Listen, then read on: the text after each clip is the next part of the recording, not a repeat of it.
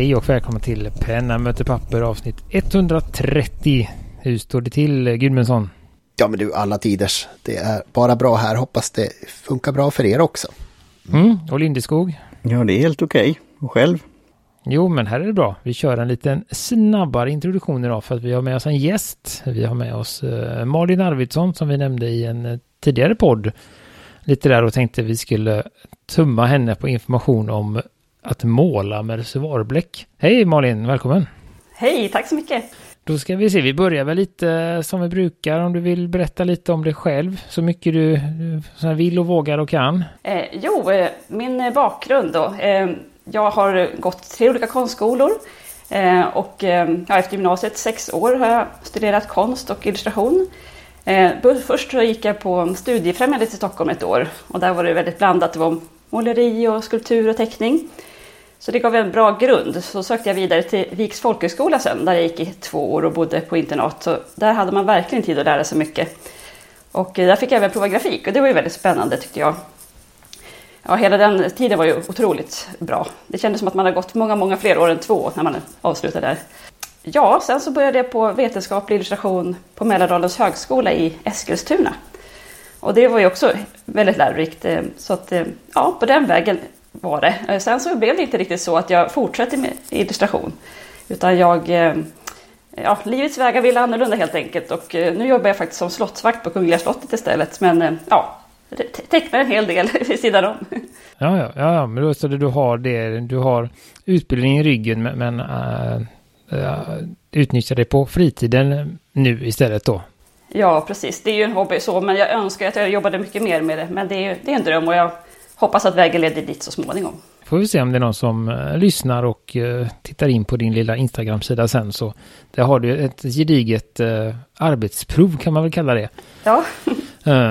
så, så att, och då, då antar jag med, med så här mycket, du har ju liksom provat egentligen ganska de flesta tekniker och material och sånt när det kommer till konst, antar jag eh, genom utbildningarna. Ja. Eh, och, och sen när, är det, när började du liksom använda reservoarbläck som, som, eh, som vattenfärg eller akvarell ungefär? Ja, det var väl egentligen i, i samband med ja, eh, årets bläckkalender för två år sedan. Ehm, så ja, ungefär ett och ett halvt år sedan var det väl sådär som jag började med reservoarpennor generellt. Så där. Jag blev inspirerad av eh, Mattias Adolfsson och Nina Johansson. Eh, de blev inspirerade och sen ville jag lära mig mer och köpte en Preppy bland annat. Eh, pratade med en Preppy och sen eh, gick jag med i den här gruppen svarpennor på Facebook och ställde lite frågor och ja, där fick jag många tips. Eh, och bland annat om vattenfast bläck och så som jag vill börja använda för att kunna kombinera med akvarell. Så, men i och med att jag började med den här Diamondst-kalendern så blev jag helt fast i bläck, Bläckens värld. Då såg jag också att i och med att jag inte ville fylla pennor hela tiden utan ja, ville testa bläcken mer så, så köpte jag akvarellblock och eh, testade att spä ut med vatten också för att få lite mer eh, ja, nyanser och kunna bygga upp en bild på det sättet. Så ja, sen fick jag lära mig själv. Jag har inte liksom tittat på så många andra utan bara provat mig fram. Ja, och där finns det ju, jag vet inte, du är ju lite ny till podden också. Eh, så, så vi har ju faktiskt pratat med Mattias i ett tidigare avsnitt.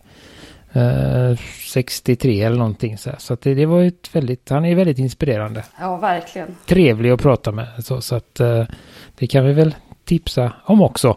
Är det något speciellt akvarellpapper eller tycker du att behandlade du det exakt som akvarell eller har du märkt någon skillnad med, med det? Ja, jag använder ju Crevides papper just nu en hel del, men det var ju för att jag skulle börja testa och jag tyckte att det var prisvärt då. Sen blev det att jag fastnade där på det här 180 grams pappret. Eh, och så. Men jag har även provat 300 men inte helt övertygad för att det tar upp bläcket lite för snabbt så jag hinner inte efterarbeta och det gör jag ganska mycket när jag målar med bläck.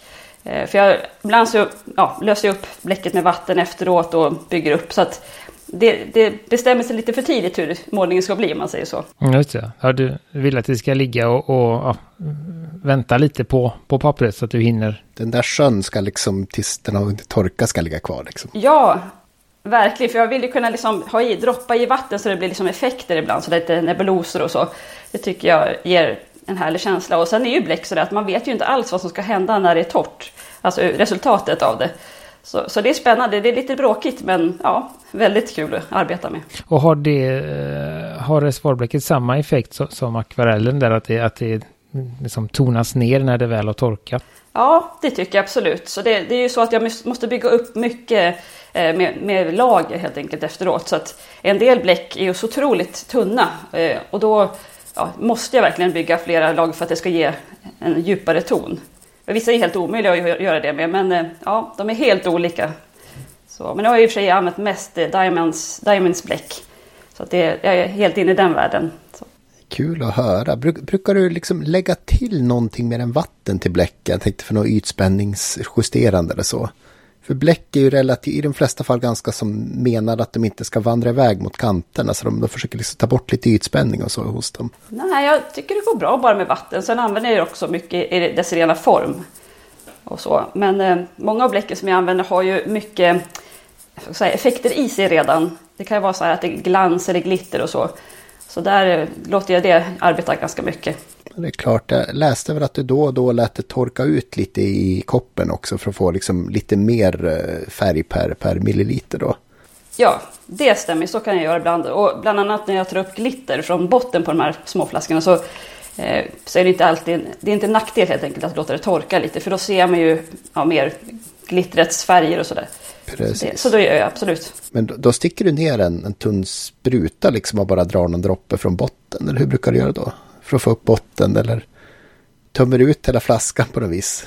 Nej, utan jag har en ganska tunn pensel som jag eh, doppar ner och så ja, rör jag runt lite och lyfter upp det som är i botten och lägger det på en palett. Ja, det fastnar i penseln alltså, så att säga. Det klibbar ja, fast precis. där. Precis, då är jag med. Ja, mm. så, så det är bra att inte skaka flaskan innan man börjar måla helt enkelt för att eh, ja, kunna få upp det lättare. Ja, det är ju tvärsom när man använder glitter i, i liksom pennor för det vill man ju ha glittret upp och sen ibland har de fått stå vifta på Twispy-pennan liksom bara så att det ska eh, komma ut någorlunda jämnt och inte bara ligga kvar i det när man sköljer ur den. Nej, precis så är det ju. Men då, jag tänker på det, vi har ju pratat en del om just den här eh, kalendern och, och bläcket och, och väl, det är ju väldigt mycket speciella färger och det är mycket, mycket glitter och glans och mycket sånt som, som, kan vara svårt att skriva med. Kan väl jag tycka ibland och det är väl en anledning till att jag inte har den. Men jag tänker att det måste ju vara mumma för dig att, att ha alla de här grejerna. Att det blir roligare att, att måla med det än att det bara är en, en blå. Ja, det är helt fantastiskt. Det, det är ju väldigt mycket. Så att det, ibland så känns det nästan som att de är mer gjorda för att måla mer än att skriva med. Och jag vet, vet, att det står ganska många sådär när det är bara massa glitter och glamour i de här. Men eh, för min del så är det inte negativt. Jag blir bara glad. Ja, det är kul att höra för det har ju varit lite samtalsämnet ibland om glitterbläck. Ja, precis. Och hur är det, för nu, nu vet jag att du, du, uh, du gjorde ju en teckning per dag eller en teckning per bläck som du, som du postade på din Instagram under december som var här då. Men hur är det med uh, ut, ut, jag antar att du eh, gör annat utanför det också. Brukar du liksom blanda flera färger eller gillar du att hålla dig till en flaska och eh, liksom få fram så mycket nyanser som möjligt ur den? Eh, ja, hittills har jag faktiskt använt bara en så det blir mer en monokrom eh, målning. Men det, det är absolut så att jag kan tänka mig att börja prova lite mer eh, och blanda. Så att eh, jag är fortfarande lite ny i det här med bläckmåleri så att jag, jag testar mig fram men eh, Just det, Diamonds bläck innehåller också väldigt många färgtoner som dyker upp särskilt då när det har torkat. Så där har jag inte känt ett behov riktigt att eh, tillföra mer färger faktiskt. Nej, för du kan, du kan få fram flera färger genom liksom hur, hur mättad den är eller när du puttar runt och så. Ja, precis. Och sen så kanske jag inte fyller upp min palett direkt. Eh, eller att jag fyller upp alltså, vartefter helt enkelt. Och, och då kanske jag rör runt i bläcket för då kan jag ju få upp helt nya toner. Så att, eh, ja. Men det är alltid en överraskning. Man vet inte riktigt var det ska sluta. Men jag tycker det är roligt för att ja, jag har alltid varit väldigt vad ska man säga, noggrann som person. Petig med hur jag tecknar och allt ska bli så perfekt. Och för mig har det här varit en frihet att få bara släppa allting och vara lite mer konstnär. Så att, ja, jag har lärt mig jättemycket på de här två, två åren. Hur, stor, hur stort format brukar du teckna? Är det liksom eh, subformat, typ A6 eller något så här väldigt litet? Eller är de, är de A4 när du sitter och jobbar med dem?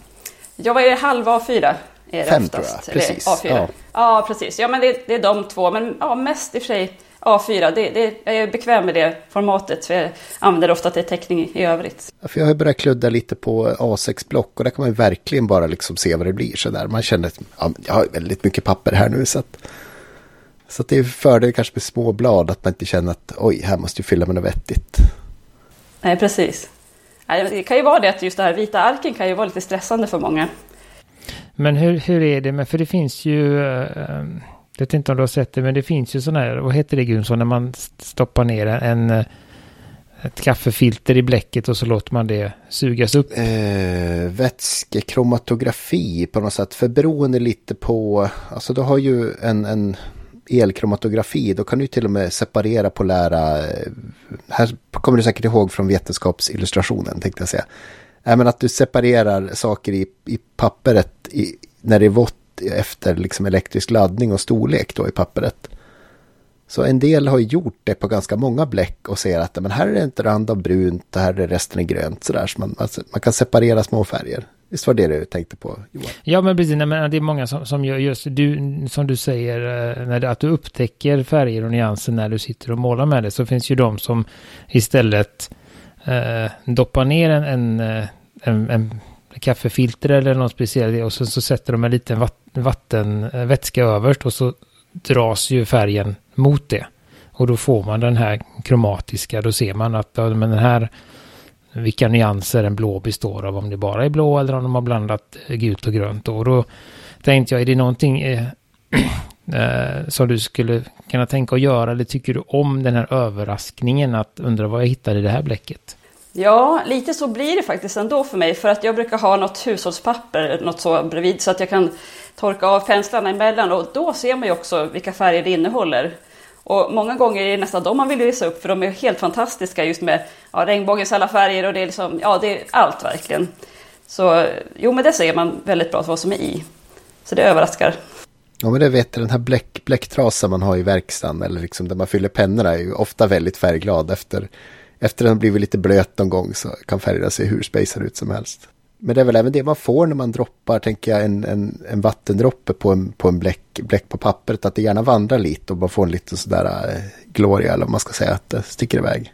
Ja, ja men det är mycket så jag arbetar. Att, man, eh, att jag dels eh, har blötlagt pappret innan och sen droppar i bläck och då får man en effekt och sen så kanske ha ett täckt en yta med färgens ja, fulla egenskap, om man säger så, ut, outspädd och sen droppar i vatten. Och det gör, ja, där ser man ju väldigt mycket nyanser och så, hur det drar iväg.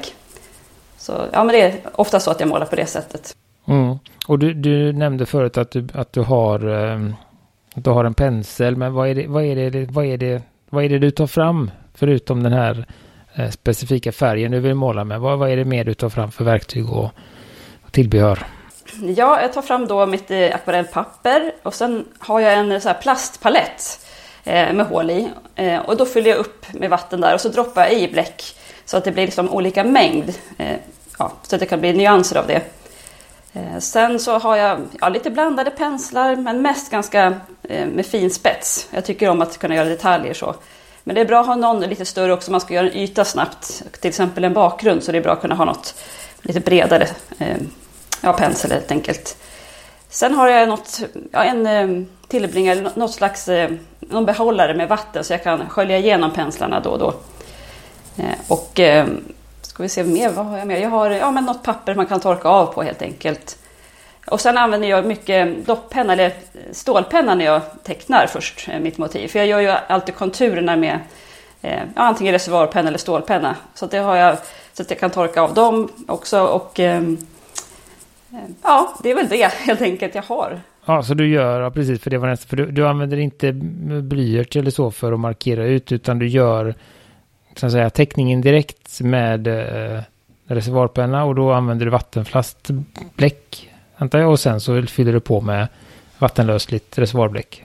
Eh, det är sant, jag har ju absolut blyertspenna också. Det är så jag börjar, börjar alltid med en skiss. Ja, så att det är ett, ett suddgum, ett sudd och eh, en blyertspenna och inte någon som är för, alltså inte B utan gärna åt H-hållet eller ja, något ganska neutralt. För att det får inte bli så att blyertsen kan fastna och förstöra utan jag brukar göra en skiss som jag sen suddar bort så jag nästan inte ser den och sen gör jag konturer med eh, bläck då. Eh, och sen efter det så börjar jag måla. Så att, eh, ja, så det, ja men precis, blyerts har jag också. Det är gott att höra. Det är, det är hela paletten då av saker. Ja, precis. Förlåt, hade, hade du kommit igång med alltså, vattenfasta bläck som typ Carbon Ink och sånt där och, och göra detaljerna med det? Och i så fall brukar du lägga på det under vägen eller någonting du alltid gör efteråt på rätt ställe? Eh, ja, Carbon Ink har jag testat, absolut. Det, det, är ju väldigt bra att kunna göra konturer som inte ska lösas upp med. Och det är egentligen det som jag har testat som är vattenfast.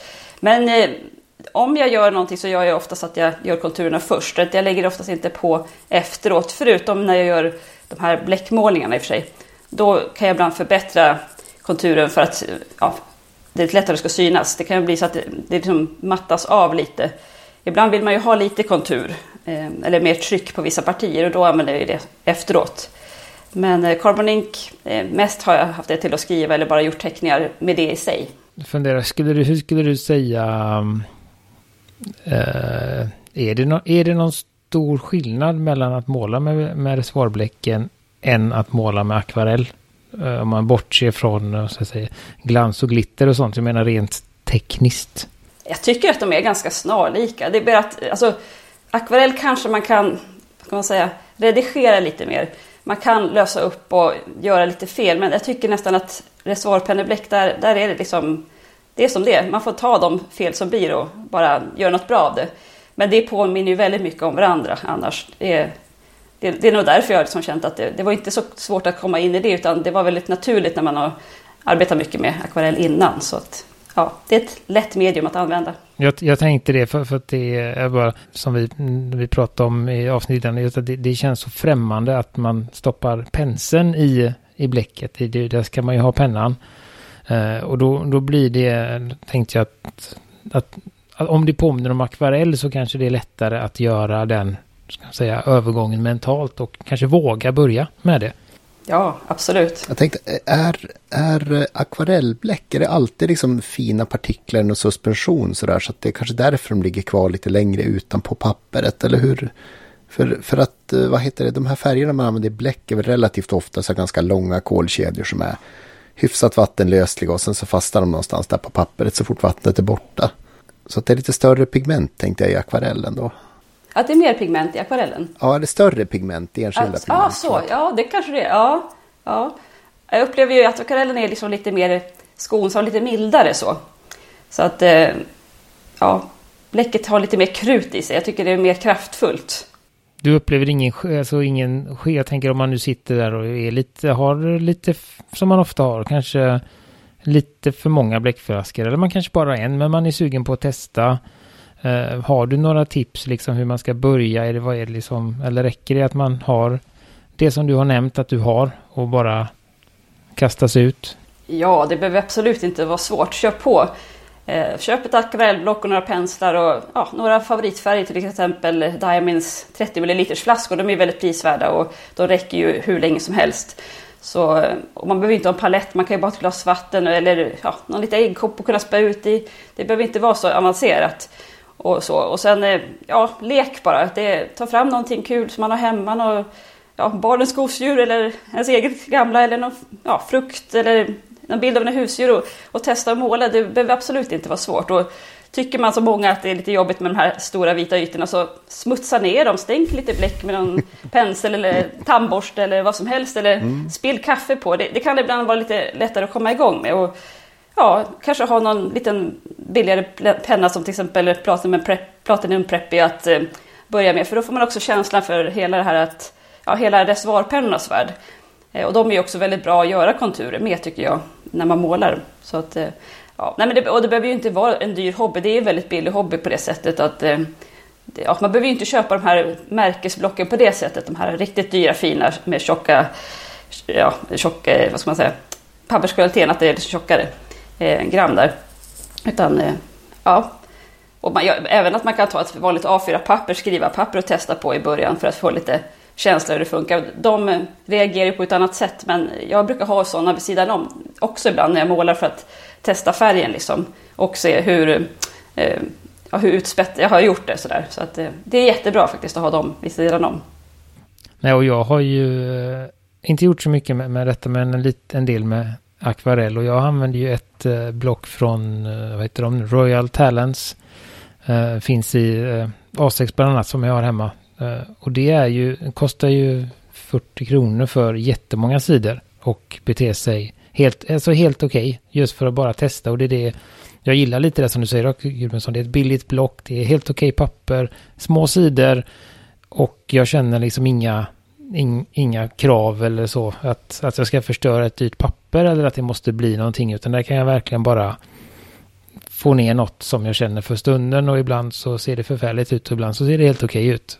Uh, så att det är väl en bra grej att ha något sånt som man inte är, för det kan jag bli när jag tar fram fina akvarellpappret liksom att okej okay, men nu nu måste det bli bra eller nu måste jag så här och det eh, blir det ju ofta inte då när man får någon, sätter en press på sig själv. Nej, det får, ju, får gärna vara lekfullt för då är det roligt tänker jag också. Så att så man inte liksom gör det till något jobb eller tänker att det här, det här eh, måste jag gå plus på ekonomiskt tänker jag. Det är ju väldigt få hobbys man gör det så här i efterhand. Mm, precis. Men har du funderat på, jag tänker när du målar så, så har du pappret plant på bordet. Du använder inte en liten lutning.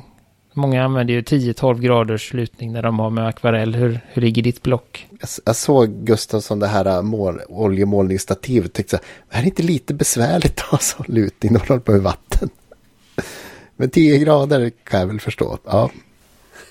Ja, nej, jag, jag har det faktiskt helt plant. Jag vet att många har en lutning, men i och med att jag inte alltså, spänner upp det på någon skiva eller så, så tycker jag att det funkar bra eh, att ha det helt plant. Och jag, jag målar inte så himla flödigt heller. Ibland blir det så när man gör när bakgrunden, då kan ju det här pappret som jag använder, 180 grams, börja liksom bukta lite.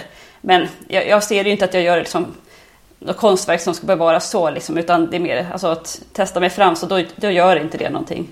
Sådär. Och sen är ju bläck så att det är ju faktiskt inte ljusfast heller alla, utan eh, ja, jag tänker att de här kommer ju inte liksom, kanske vara för evigt. Så.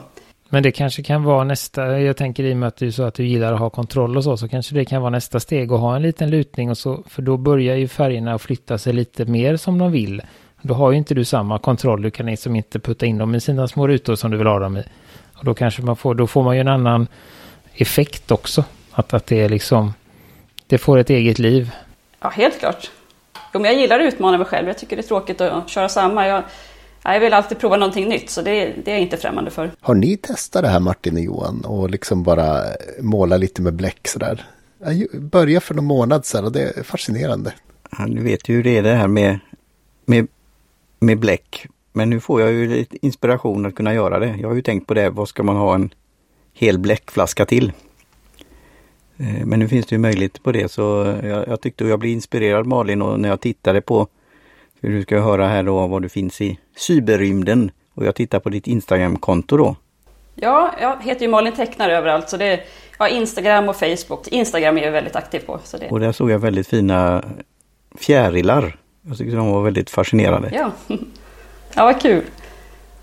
Ja, där har jag verkligen försökt att vara lite mer fri. Att jag, jag kanske har Eh, en förlag. Jag tittar lite på olika fjärilar sådär men jag målar inte av dem utan jag kan ha liksom lite, vad ska man säga, eh, grunduppbyggnaden och sen så ja, låter jag bara det ja, hända. Jag testar mig fram. Så, och det är ju väldigt kul för då får man verkligen leka av sig. Så att, eh, men det gäller ju också att man är rätt snabb. Man får inte låta det torka för mycket. Eh, I slutstadiet låter jag det torka och sen bättra på lite i vingarna till exempel. Eh, de här mönstren. Men annars så måste det vara ganska blött för att kunna göra de här eh, nebuloserna, att man liksom spär ut, får effekter. Men, eh, nej, men det är väldigt kul, fjärilar är roliga att måla. Nej, men jag har väl provat eh, lite också. Jag eh, provar väl det, just det där som vi pratade om, men så kanske första steget då att man har ett vattenlöst bläck i pennan och rit, gör en, en skiss och sen så tar man en, en pensel med vatten på och flyttar flytta den färgen för att kanske få nyanser och skuggor och sånt. Och det har jag väl provat. Och där, där märkte jag ju att, att eh, alla vattenlösliga bläck inte är lika vattenlösliga. Det var ett par bläck jag hade hemma som eh, inte ville flytta sig efteråt. Och det blev ju ett eh, problem eftersom jag hade en tanke med att de skulle göra det då. Så att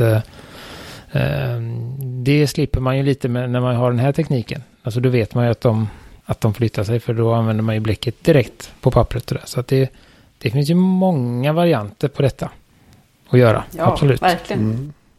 Har det varit någon gång du har liksom eh, fått några, jag vet inte, negativa, att, säga, att det påverkar redskapen negativt? Att penslarna blir liksom missfärgade eller liksom svåra att tvätta ut? Eller någonting jämfört med, med andra medier du har jobbat med som du sett? Nej, jag tycker det är väldigt lätt att tvätta ur faktiskt. Och jag gör ju det direkt efter att jag är klar. Sen, eh, sen kan jag ju ändå sitta ibland 4-5 timmar och har ändå inte problem att tvätta ur dem. Så nej, men det, det går bra. Absolut. Det är också bra att, att det är, att det är ett liksom lätt, lättstädat medium efteråt. Eh, sen är det imponerande att du sitter 3-4 timmar, men det är, ja. Så mycket tid orkar jag inte lägga på samma teckning, utan det är 20-30 minuter. Och då passar det bra med små ark. kan man klämma ut, klämma ut sig något lite snabbt. Mm. Uh, Får, får, man fråga förresten vart du står i frågan, får man öppna hela julkalendern och ta bläcken lite som man vill eller måste man följa vilken dag det är? Ja, jag följer helt eh, vilken dag det är. Men däremot så ibland kan det vara så att jag öppnar någon dag innan för att liksom eh, prova mig fram. Men, eh, men jag kör helt i rätt ordning, ja, det gör jag absolut. Utmärkt, tack. Mm. tack. Det är precis som att mm. lyssna på en podd då från mm. avsnitt ett till... Ja, men det gör man inte Martin. Det, där börjar man faktiskt med det senaste. Jag skojar med Gustavsson nu. Ja. ja. Och jag kunde känna igen lite där med vår gäst då tidigare som, om de här svamparna. Det var lite den stilen som hans Mattias där, lite roliga gubbar och... Ja, ja jag gillar det. Jag har helt snöat in i svampvärlden nu. Jag vet inte hur det gick till, men jag, ja, jag gillar att plocka svamp i och för sig. Men det är ju liksom påhittade svampar och så. Men eh, träd också mycket. Och det är ju också sådär, jag tänkte ju att, eller jag har alltid sagt att ja, men träd, det där, det kan inte jag teckna. Absolut inte. Men så hamnar jag med, ja, slutar med att jag sitter där och älskar att teckna träd. Så att, men det gäller, gäller att hitta en teknik så att eh, ja, man tänker om helt enkelt. Man kan inte teckna varenda blad. Och där på inspiration och tidiga gäst, vem skulle du vilja lyssna på i ett framtida avsnitt av Penna möter papper? Åh, vad spännande! Alltså jag tycker väldigt mycket om barnboksillustratörer. Ehm, men ja, Sven Nordqvist är ju helt fantastisk. Mm. Mm. Ehm, jag gillar Gunnar Gräs som väldigt härlig stil.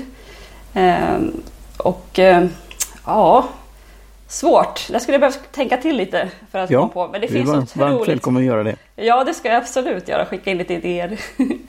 jag kommer att tänka på en annan sak där. I samband med att du hittade bläcket så hittade du också reservoarpennan och du var ganska ny i den världen, vad jag förstod. Eh, och eh, har testat Preppy. Hur, hur är det? Känner du att du att du är nöjd med de prepperna du har och att, att du vill testa nya bläck eller, eller har du ett, liksom ett sug av att testa andra pennor också? Och alltså jag skulle verkligen vilja ha alla. Men det är ju sådär, alltså, det är så himla läskigt när man hamnar in i hobby. Man vill liksom snöa in totalt och jag känner att jag måste ju begränsa mig lite. Eh, jag har köpt några, jag har några Lamis. Där tycker jag att jag liksom inte hittar rätt udd. Jag tycker de är för... Jag vill ha en väldigt fin udd när jag eh, tecknar. Så att eh, Ja, och sen har jag provat någon, eh, ska vi se att jag har lite pennor framför mig här. En Twispy har jag också, Echo. Och den, den känner jag att den är alldeles för flödig för mig. Så, eh, och sen har jag någon här Platinum, Platinum Century. Vad är det, 3776? Ja, minst, ja, den köpte jag, det är den finaste jag har.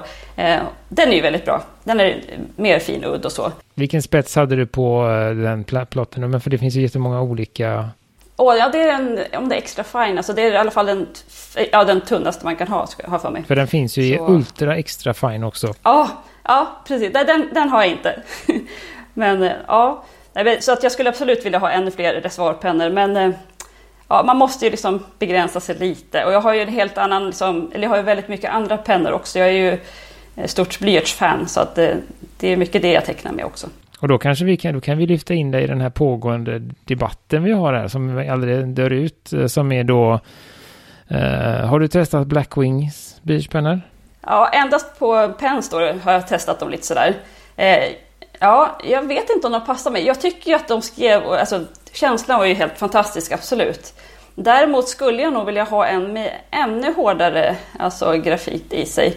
Jag tycker att de är lite för mjuka för mig. Sen tycker jag de är häftiga. Alltså, men, men, problemet där tycker jag är att man måste köpa så många. Jag, vet inte, jag har aldrig hittat att jag kan köpa en, annars skulle jag göra det, en av varje så. Men eh, att man måste köpa en helt, alltså man måste nästan gå ihop med ett gäng kompisar och dela på dem där för att vem behöver så där många pennor? inte ens jag som tecknar mycket gör jag med den där mängden på, under min livstid. Nej, nej men för, för, för, det som är, eh, ska man säga, det som är den återkommande tråden är väl sådär att, att det finns de som inte riktigt, alltså just att för Blackwing är ju lite dyrare än en, van, än en, en vanlig blyertspenna om man säger så. Men eh, det som vi, jag och Martin är överens om i alla fall, Gudmundsson vet vi inte än, man har testat tillräckligt, men, men just att det finns något med Blackwingen som gör den lite annorlunda än andra blyertspennor. Som jag inte riktigt kan, kan förklara, men som på något sätt för mig gör att det känns okej okay med det priset. Och här i Göteborg så finns det en affär där man kan köpa dem styckvis för 45, vad kostar 55 kronor eller någonting styck, vilket är ganska mycket, men, men eh, de räcker ju länge. Så att, och då, då så här, och hur, hur, känner du? Känner du att den är värd sitt pris eller är den bara snygg men överprisad? Men jag tror att den är värd sitt pris. Jag tycker absolut att den var härlig att teckna med. Eh, så, så jo, jag skulle absolut kunna tänka mig att köpa den. Jag får väl åka, åka ner och shoppa loss lite där istället. Nej, eller så får man köpa en ask och testa. Men, men att eh, Jo, men jag tror det. Sen tycker jag att det ger lite extra också. Att det är lite mytomspunnet och att många uppskattar det. Eh, det finns ju en anledning till att man köper märkespennor. Man vill ju se och prova sig fram. Så att eh, de är säkert så bra. Jag upplever det så i alla fall. Men eh, ja, som sagt, det var nog mer för att de är för mycket svärta i. Att jag behöver lite mer hårdhet för att kunna få fram det jag vill det finns ju en, en, en variant av dem som, som har firm som har ett stift som heter Firm som är, men det är ju, det är väl någonstans på HB ändå, så det kan hända att det är lite, lite på gränsen för dig ändå, i och med att du vill ha en, ännu hårdare och smalare. Eh, så, men eh, ja. HB kan nog funka för sig, men det är nog lite mer åt F2 HH sådär. Mm. Mm. Nej men det var väl det, eh, det vi hade för idag. Om inte, har du någon fråga till oss? Nej, eh, det, det, jag känner mig nöjd med. Jag är jätteglad att ha upptäckt er podd, för den kände jag inte till innan ni frågade om jag vill vara med. Så nu har jag lyssnat igenom en hel del här, faktiskt från början, eh, men eh, hoppat lite på slutet och ja, så. Så att, eh, ja, men det är jättekul. Det är himla härligt att ha hittat er. Ja. Men då kan du få till oss att hoppa direkt till Mattias-avsnittet sen och, och sen återgå till, till ordningen då. Okay. Och kanske uh, Karin uh, Bakadish Olsson. Uh, hon har vi intervjuat också.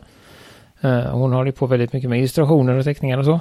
Så att eh, det är väl de vi har i, eh, den, i ditt intresseområde. Och kanske även Mattias Wirf är också en konstnär. Möjligen KVZ tänker jag också. Som är från bläcktillverkarnas synvinkel så. Om du vill nörda in det lite på bläcktillverkningsprocessen och dyka vidare med, se hur mycket du kan leka med de här vad heter de, Iron Gal och... Ja, precis. Med andra ingredienser i är det väl. Det är väl helt så enkelt. Så att det är eh, järngallum som gör att det fastnar och sen är det ju i platinum är det väl kolfibrer eller någonting som gör att det blir beständigt. Men i de andra bläcken så finns inte de ämnena.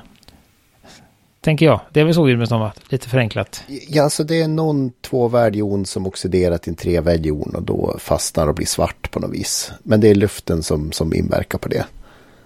Och jag minns inte exakt hur det var, men jag tänkte mer, det var fascinerande samtal vi hade där. Så, ja så du, du kan lyssna på den om du, om du vill. Ja, absolut, vad kul. Uh, ja, nej men då, då tackar vi för oss för idag. Vi tackar Malin att hon tog sig tid att, vara med och vi tackar er som lyssnar. Vi tackar Jim Johnson för jingel. Vi tackar Karin Bakaric Olsson igen för logotyp och vi finns på pennamotorpapper.com och Facebook, Instagram och så vidare. Så säger vi hej för nu. Hej. Hej, tack.